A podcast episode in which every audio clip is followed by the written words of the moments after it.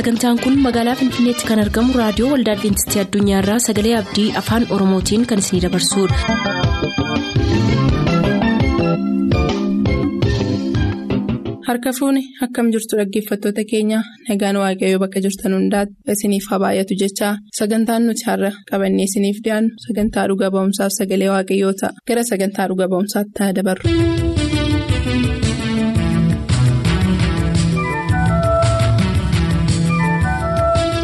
Nagaan waaqayyoo bakka jirtan hundumaatti isiniif haa baay'atu akkam jirtu? Sagantaa dhuga ba'umsaa darbe jalatti daa'imni ta'eeraa jedhamu mucaa waggaa shanii afaan ittiin walii galu kan hin qabne biyya hambaa ga'ee gargaarsa waaqayyootiin yaalamee wallaansa argatee gara biyyaatti deebi'ee galuusaa ilaalaa turreerraa har'as kutaa xumuraa dhuga ba'umsa kanaa isiniif qabannee dhiyaannee jirra. Nu faana turaatii ittiin eebbifamaan afeerraa keenya.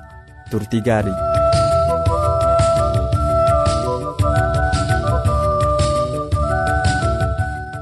Waaqayyo mucaa kana daa'ima kana galfata isinitti kennateera mee mul'ata maalii qabduuf hariiroo inni waaqayyo wajjin qabaachuu qabu wajjin ilaalchistanii gara fuulduraatti dhugumayyuu mucaan kun galfata waan ta'eef. Dhugaasitti muufi amalli mucaa kanaa ammoo yoo ilaalte mana keessatti jaarsa nu gorsaa yoo nuyi ani gaafgaafii xinnoo jiruu dadhabee hongalee maal taate akkasin ta'in jedhaa ani waan ani isaaf badhaase waan ani isaaf kenne waa tokkicha innis maayin mana waaqoo keessatti deddeebi'u ani gaadhatu hin ta'in. Mana waaqoo keessa akka inni deddeebi'uuf godheera. Ammannaarra faarfataadha. Ijoollee daa'immanii barsiisaa. Sagantaa waldaa keessatti ni hirmaataa. Waaqayyoo karaarra isa buuseera.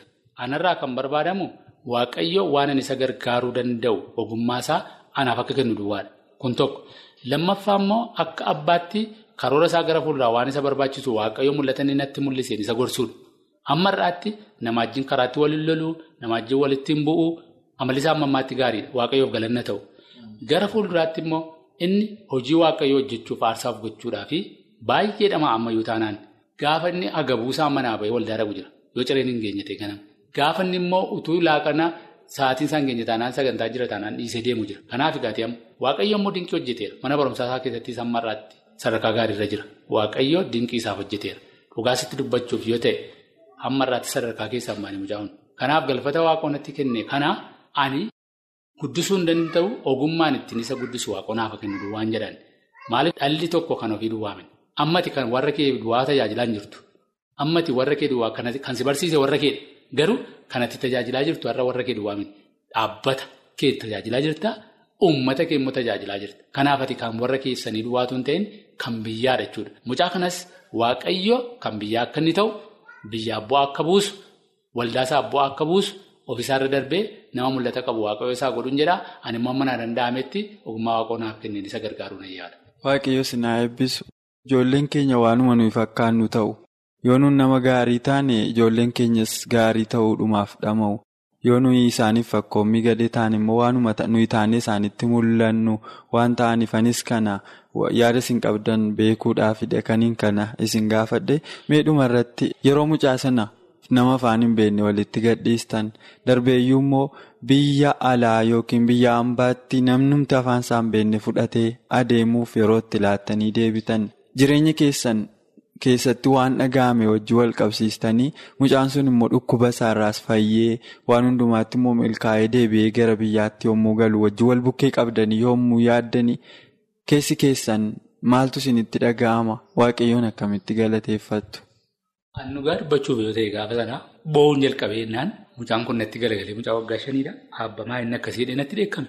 Yeroo sana maaltu mataa koo keessa jira? Hingalaatti hin fudhanne kanaan bo'ootti ka'e. Abba maani wanta akkasii naan jedhe termanaarii keessa yeroo dhaqee dhaabadhu deebiin irraa naan jedhe. Yeroo sana waaqayyoottan qabee kenne malee nama minne. Maaliif kan isaa wajjin haasa'uu danda'u waaqayyo malee afaan ittiin namni wajjin haasa'u hin jiru. Amaariffan beeku, Ingiliffan beeku mucaan kun. Yoo fincaanii qabe akkamitti akka mana fincaanii dhaqu hin beeku. Utuu afaan beeka ta'e mana fincaanii sana keessatti badee nafu ture. Utuu afaan beeka ta'e mana fincaanii dhaqadhee itti matee dhaqa ture. Yookiin immoo ijoollota sanaan mana fincaanii keessa hin jira mana boolii keessa hin jira itti mataa ture. Garuu waaqayyo immoo waaqayyotti waan hin kenneef harka waaqayyotti waan hin kenneef garaan koo immoo nan gadda. Garuu amantaan koo maa inni reeffi isaa isa dhufu lubbuun isaa isa dhufu waaqayyotti hin kenneedhaan. Waaqayyotti hin kenne dhuguma immoo. Gaafa deebi'ee manatti galu gaafa sana halkan sa'aatii torbattan deebi'ee manatti galee halkan keessaa bo'aan bule. Waaqayyoof galanna ga'u garuu inni fayyee sadarkaa kanarra gahee amma yommuu fudhadhu akka waaqayyootti kennee jalqaba kan maqaasaa jedhe ta'eera kan jedhe wallaanamees fayyee dhufeera. Kun amma ta'eera jedhee waaqa harkaa fudhadhe lammaffaas. Akkuma maqaasaa sila waaqayyoo naa kenne ta'eera jedhee waaqa harkaa fudhadhe. Gaafa waaqayyoo immoo biyya hambaatti nama afaansaa hin beekne maqaasaa hin beekne biyya Israa'elitti isa wallaanee fidee natti kennu ammas ta'eera jedhee waaqa harkaa fudhadhe. Kanaaf waaqayyottan kennee waaqayyo harkaan fudhadhee keessa koo garaa koo gaafasii baqaseesitti agarsiisu. Waaqayyoota argaaf gaafasa waan hin ta'e imimmaan yeroo sana buusee waaqota argaa. Kanaaf waaqayyotti waa kennan waaqayoo galfatan nyaatu. Waaqayyo immoo akka tammeetti deebisee galfata kana natti kenneera. Amma gaatii galfatiin harka jiru umurii rakkisaatti deemaa jirama. Umurii rakkisaa inni amma deemu kun dargaggumatti adeemu kana keessatti amma chaalenjii isa kanaan caaluudhaa akka hin dhufne akka asirratti maatii fakkaatti wanta ta'eef karaan nama deemurraa akka hin manneef waaqayyoon kadhachuu. Waaqayyo karaa sarara amma sarara buuserra sirriitti akka deemu galfata kanaa dhuguma akka tammeetti fiixaan baasuu fi waaqoon waa dandeessisu dubbii kee xumuruudhaa fi ani gaafa sana dhugaa dubbachuuf yemmuun galee manatti tollitu yoo harka qabadhee dhufee manatti tollitaa haati uwwittee jiti gaafa normatti kennee deemu. Harka koo keessaa dhabdee kaa. Dureeroon wallaansee fuudhee galu harka koon hin qabadhee fi manatti tollita. Hundumtu manni guutuun akka wanta du'eetti akka wanta gatee galeettiti ilaala mana keessaa. Ani garuu hin ganne waaqayyoottan kennu gaafa sana. Foon garuu akka kanatti. Waaqayyoo dinqii akkasii hojjete. Kanaaf gaafa sana ani keessi koo cabee ture hacabuyyuu malee akka foonitti hacabu malee amantaa tokkoon qaba. Inni birrii hamma kana garaa jara sanaa laaffise naaf kennu waaqayyoon lubbuu isaa immoo hin eega kan jedhutu sammuu keessa wanta tureef waaqayyoottan kenne waaqoommoo deebiseef jechuudha. Dhugaadha jechoota ittiin dubbatantu nama dhibaa waaqayyoo galata isaa hundumaa fudhatu. Abiraamiin mucaa gaafa inni godhate hin gammade kadhannaa yeroo dheeraatiin argate achi booda immoo waaqayyo waan dogongore fakkaate aarsaa naa dhiyeesse yeroo inni ittiin jedhe waan isin keessa darbitan kun gaafan taa'ee fakkii isaa kaasu akkuma wanta gaafa Abiraam mucaa isaa aarsaa godhuuf gaara mooriyaatti fudhatee deemee fakkaata. Sababni isaa isinis kan isin gammaddanii mucaa kana waan waaqayyoon gaafadheen argadhe jettanii maqaa isaa ta'eeraatti moggaastan amma immoo nama afaansaa hin beekne nama iddoon dhaqu hin beekamnetti kennanii gaafa deebi'amu aarsaa salphaa hin kaffalchiisu. Ta'us waaqayyo kan hundumaa keessatti qooda fudhatee itti gaafatamummaa mucaa kanaaf bahu hundumaa waan ba'eef galanni isaaf haa ta'u. Dhuguma waaqayyo waaqa galateeffamuu qabudha. Isinis sagantaa dhuga ba'iisaa keessan jalatti kanatu hambisiin dhugaa waan nuuf baataniif dhaggeeffatootni keenyas kanarraa abdiin isaanii akka mirgisu waan gootaniif waaqayyo sinaa eebbisu yeroo biraas sagantaa dhuga ba'iisaa jalatti eebba waaqayyo siniif godhe nu hiruurraa duubattiin jedhinaa yommuu jennu asumaan sagantaa keenya xumurraa waaqayyo sinaa eebbisu.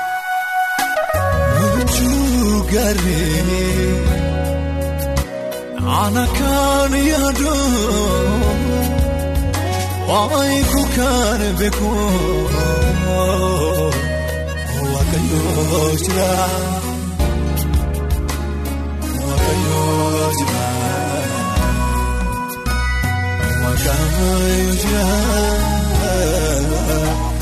waaqayyoo jira waaqayyoo jira waaqayyoo jira.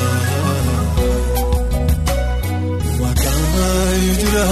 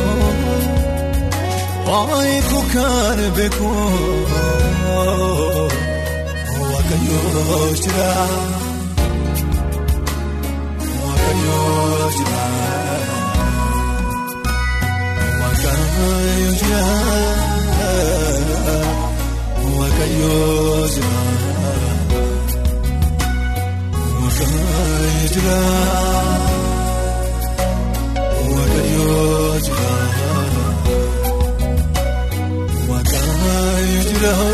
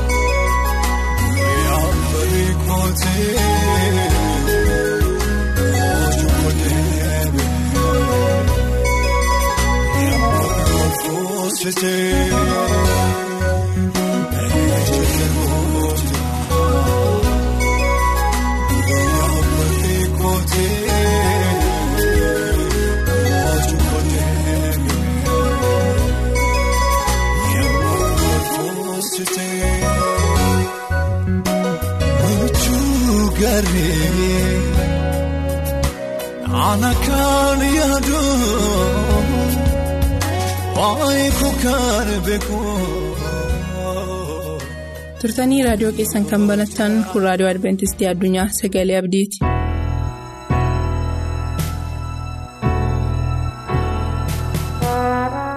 Akkam jirtu dhaggeeffattoota keenya nagaan gooftaa yesus kiristoos lafa jirtan itti isiniif haa baay'atu jenna gooftaan yesus jireenya nuu kenne inni jireenya keenyaaf wabii ta'ee saatii kanaaf yeroo kana nuu laatee gooftaan sagalee isaa akka dhaggeeffannuuf dubbii isaa isa nama qulleessutti akka dhi'aannuuf waaqa carraa kana nuu kenne garaa keenya irraa hin galateeffanna. Yeroo darbee sagalee waaqayyo gooftaa yesus kiristoos keessaa kutaa tokko irratti wal wajjin ilaallee turre innis. Gooftaa yesus kiristoosiin qooda ofii godhachuu ka jedhu irratti ibsa isaa qulqulluun anaaf dhuunfaatti nu barsiisaa tureera. Har'a sagaleen waaqayyo waan dubbatu qaba. Kanaan dura sagalee waaqayyoo keessaa akka ilaalletti namoonni gooftaa yesus kiristoosiin qooda isaanii godhatanii fudhannee isaan jireenya akka qabne ilaallee turre. Warroonni gooftaa yesus kiristoosiin qooda isaanii godhatanii fudhatan jireenya akka qaban sagalee waaqayyoo keessaa mirkana isaa wajjin ilaallee turre. Har'as isuma wajjin kan wal qabate. Gooftaa yesus kiristoosiin qooda keenya godhannee akka nu hin fudhanneef maaltu nu daangessaa isa jedhu akka nu wajjin ilaalluuf sagaleen waaqayyoo anaaf isin affeera ammas yoggaan mata duree kana kaasu yeroo ani kiristoos yesuusiin qooda keessan godhattanii jireenya keessan keessatti akka isin hin moosisneef wanti isin daangessu maali? Jedhee yoggaan asii dubbadhu nan amana. Lafa teessan teessanii gaaffii kana yaada keessan keessa akka naannessitan. dhugumayyuu maaltu na dhowwe anaan? Maaltu na daangessee jira? Yesuusiin jireenya koo keessatti akka hin moosisneef wanti anatti ba'aa ta'u wanti anaatiin daangessu daangaan dhimma kanaan maali? Jechuu dandeessu. Tarii waan baay'ee tarreessitu ta'uu danda'a. Warroonni kaan maatii sababeeffachuu ta'uu dandeessu. Warroonni kaan immoo ofuma keessan ani amala akkasii waan hin qabuuf. Amalli kun immoo ijoollummaa kootii qabee waan na wajjin guddateef. Kun yesus kiristoos wajjin na jiraachisuu hin danda'u. Kanaaf ani waaqa kana qooda koo godhee fudhachuu hin danda'u jettanii kan murteessitan jiraachuu dandeessu. Yookaan immoo haalota garagaraan kana nama dubbachuu hin dandeenye. Isin garuu jireenya keessan keessatti kan tarreessuu dandeessan waan baay'een jiraachuu danda'a. Isin gamoo sanaan itti yaada kan argattan immoo gara yesus kiristoositti dhiyeessaa. Waaqayyo wajjin irratti mari'adhaa. Kiristoos yesus wajjin. Deebisaa ifaan ifatti yoo itti kennitan isiniif gaarii ta'ee argama har'aaf garuu qabxii sadaffaa irratti wal wajjin ilaalla. Qabxii tokkoffaa hawaasummaa dhiifnee akkamittiin gara yesus kiristoosiin dhufna jennee kun sababa akka nuti ta'u yeroo darbe ilaallee turre. Inni lammaffaan aadaa beekamaa kana cabsine akkamittiin yesus kiristoosiin qooda keenya goonee fudhanna ka jennu jiraachuu danda'a ta'a. Kanas qabxii keenya yeroo darbe keessatti ilaallee turre. Har'a garuu aangoo irra jirru sadarkaa beekumsa irra geenye dhiifne yookaan wajjin nuun mijatu kan jedhan jiru jedha sababa sadaffaa kana kan dhiyeessan namoonni jiraachuu danda'u sababa aangoo irra jiraniif sababa muudamaa irra jiraniif sababa hawaasummaa keessaa itti gaafatamummaan iddoo olaanaa isaanitti kennameef gooftaa yesus kiristoosiin qooda isaanii godhanii fudhachuun ba'aa kan itti ta'e namoonni jiraachuu danda'u ta'a. Kanaaf iyyuu aangoo irra jirru sadarkaa beekumsa irra geenye dhiifnee yookiin kana wajjin kiristoos yesuusiin qooda keenya goonee fudhachuun nu rakkisa jedhanii warroonni sababeessan jiraachuu danda'u obboloota. Mee mata duree kanarratti wangeela yohaannis boqonnaa sadii lakkoofsa tokkoo hanga shaniitti yoggaa dubbifannu seenaa nama tokkoo argan nama taayitaarra ture. Nama gooftaa yesus kiristoos illee waa'ee isaa dubbatee itti gaafatamaa hangafaa lubootaa nama ta'e. Nama beekumsa guddaan qaba jedhee of yaadu. Nama aangoo isaatiin immoo yeroo hundumaa jireenya isaa akeekkatu. Nama niqoodimoos jedhamu tokko. Wangeela yohannis boqonnaa sadii lakkoofsa tokkorraa jalqabdanii seenaa nama kanaa ilaaluudhaan na duukaa bu'uu dandeessu. Namni kun guyyaa gaaf tokkoo gooftaa yesus kiristoosiin qooda isaa godhatee fudhachuudhaaf otoo hin ta'in waa'ee yesus kiristoos akka beeku beekumsa waa'ee isaa akka qabu itti himuudhaaf isa arguudhaaf gara yesus kiristoos ija namootaa ilaallatee halkan dukkanaan jedha. Wangeelli yohannis boqonnaan sadii yeroo ibsa waa'ee niqoodimoosiin kennu. Halkan yeroo dukkanaa ija namootaa ilaallatee otoonni gara gooftaa yesus kiristoosiin dhaquu argina. Oolota waaqayyo. Gara sanaa yeroo dhaqus akkana jedhe gooftaa yesus kiristoosiin ati fayyisaa akka taate waaqa biraas akka ati ergamte akka ati rabbi taate nuti hin beekne. Keessumaa ani nan beeka sababiin isaa immoo namni dinqii kana milikkita kana gurguddaa akkasii kana hojjechuu kan danda'u. Yoo waaqayyo isa wajjin jiraate malee nama qaama waaqa biraa dhufe malee qaama akkasumaanii akka hin taane ani waanan beekuuf ani si beeka. Jechuudhaan gooftaa yesus kiristoositti beekumsa waa'ee yesus kiristoosiin qabu otoonni ibsuutii argina. Namni kun kana yeroo jedhu. Gooftaa yesus kiristoosiin garuu qooda isaa godhatee fayyisaa lubbuu isaa godhatee fudhachuu hin dandeenye. Garuu waa'ee isaa immoo beeka. Haras namoonni baay'een jiraachuu danda'u. Waa'ee yesus kiristoosiin kan beekan waajjira isaanii keessa taa'anii kan beekan itti gaafatamummaa itti kenname irra taa'anii kan beekan yeroo ba'an yeroo galan waa'ee isaa kan yaadan kan beekan namoonni baay'een jiraachuu danda'u. Garuu akka niqoodimoos gooftaa yesus kiristoosiin qooda isaanii godhatanii kan hin fudhanne namoota meeqa jira laata? Saba waaqayyoo tilmaamuu dandeessuu laata? Har'a egaa. Niqoodimoos bifa kanaan otoonni waa'ee gooftaa yesus kiristoosiin ibsuu garuu yesus kiristoosiin immoo qooda isaa godhatee otoo hin fudhatiin nama akkasii argina kanarraa waan baruu qabna sagaleen waaqayyoo anaaf isiniinis kan inni barsiisu namoonni aangoo irra jiran sadarkaa beekumsaa irra ga'an tarii qabeenyaanis olaantummaa kan qaban baay'een jiraachuu danda'u ta'a isaan kun gooftaa yesus kiristoosiin ifaan ifatti fayyisaa lubbuu isaanii godhatanii fudhachuudhaaf yookaan jireenya isaanii keessatti keessumsiisuudhaaf. Haalonni baay'een isaan daangessuu danda'a. Ta'a mata duree amma kaafne irratti. Kanaaf sagaleen waaqayyoo wangeela yohaannis boqonnaa sadii lakkoofsa tokkorraa qabdanii yoggaatti dubbifattan amma sagaleen gooftaa kan nu deeggaru yoo jiraate waa'ee niqoodimoos ibsa nuu kenna. Inni hangafa lubaa ta'ee sodaa aangoo isaaf beekumsa qabuuf dukkana keessa dhokatee dukkanaan fakkaatee otoonni gooftaa yesus kiristoosiin hordofuutii argina.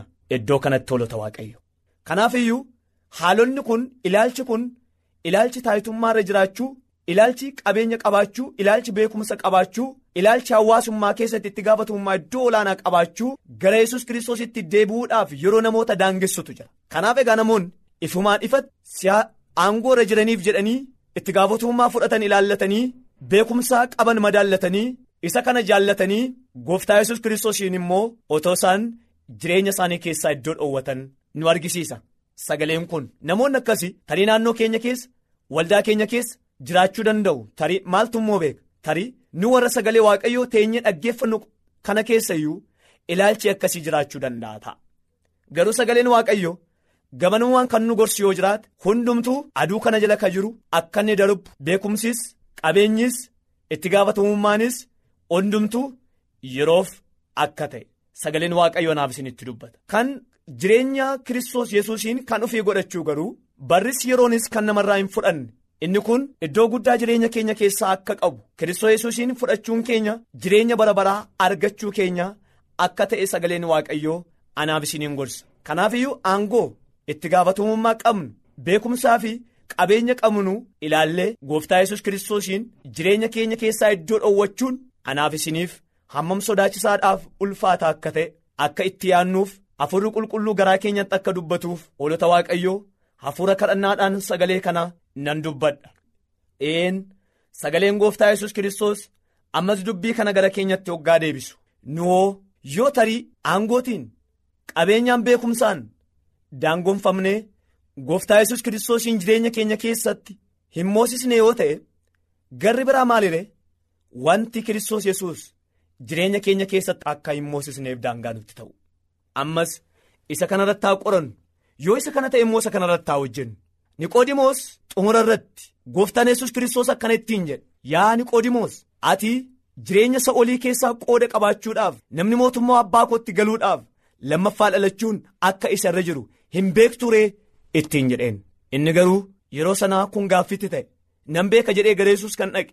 Beekumsa isaa kan ibse jalqaba waa'ee ofii beekuu isaa kan jalqabe suni akkamittiin kun ta'uu danda'a.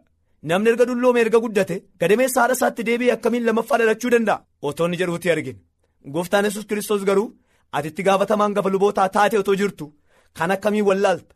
jechuudhaan otoo inni ibsaa kennuufii argine namni kun beekumsa kan qabu yoo fakkaateyyuu aboo inni irra jiru suni kan waan guddaa qabu yoo itti fakkaateyyuu gara yesus kiristoos yoggaa dhaqu garuu ammayyuu waan baay'een akka isa barbaachisu kiristoos yesus keessatti duwwummaa isaa argee sana booda otoonni sagaleen waaqayyoof caaffanni raajii akka nu mirkaneessutti jireenya isaa otoo inni waaqayyotti kennatuuti argina.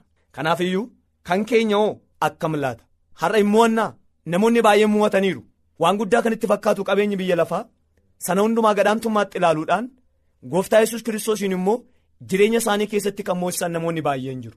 Kanaaf nutis har'a obbolaa koo waan hundumaa isa yesus kiristoos akka nuyi jireenya keenya keessatti hin moosisneef nu daangessu hundumaa cabsine hafuura qulqulluu gooftaa yesus kiristoosiin jireenya keenya keessatti affeeruu isa moosisu kiristoos yesuusiinis qooda jireenya keenyaa godhachuu akka dandeenyuuf hafuurri waaqayyoo garaa hunduma keenyaa akka gargaaruuf mee lafa jirru teenyee mataa keenya gadi qabannee gooftaa yesus kiristoosiin haa kadhannu. Waaqa Abiraamiif Waaqa Isiyaaq Waaqa Yaa'iqoob kan turte kan jirtu abbaa keenyaa galata sii dhiyeessina. Sagalee guddaa kana waan nutti dubbatteef maqaan kee bara baraan kan galateeffame haa ta'u. Qulqulluu ammas garboonni kee fuula kee dura jirraa baay'ee nu gorsitee nutti dubbatteetta. Isaati nutti dubbatte kanaaf deebii laachuu balbala garaa keenyaa bannee siitiin jireenya keenya irratti moo'isuu akka dandeenyuuf siin qooda jireenya keenyaa godhachuu akka dandeenyuuf hafuurri keenni qulqulluun haa gargaaru. Fuula kee nuu deebisi. Kadhannaa keenyaaf deebii kenni.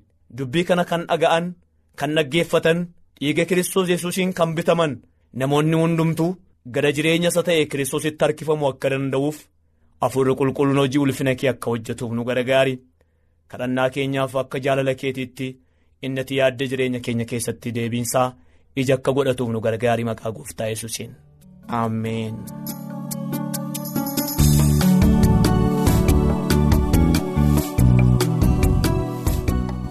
sagantaa keenyatti akka gammaddan abdachaa har'aaf kan jenne xumurreerra bor sagantaa faarfannaa qabannee isiniif dhiyaanna beellama keessaan nu waliin godhadhaa jechaa nuuf bilbiluu kan barbaaddan lakkoofsa bilbila keenyaa duwwaa 11 551 11 99 duwwaa 11 551 11 99 nuuf barreessuu kan barbaadaniif ammoo lakkoofsa saanduqa poostaa dhibbaaf 45 finfinnee lakkoofsa saanduqa poostaa dhibbaaf 45 finfinnee qopheessitoonni sagalee abdii waliin ta'uun nagaatti isiniin jenna.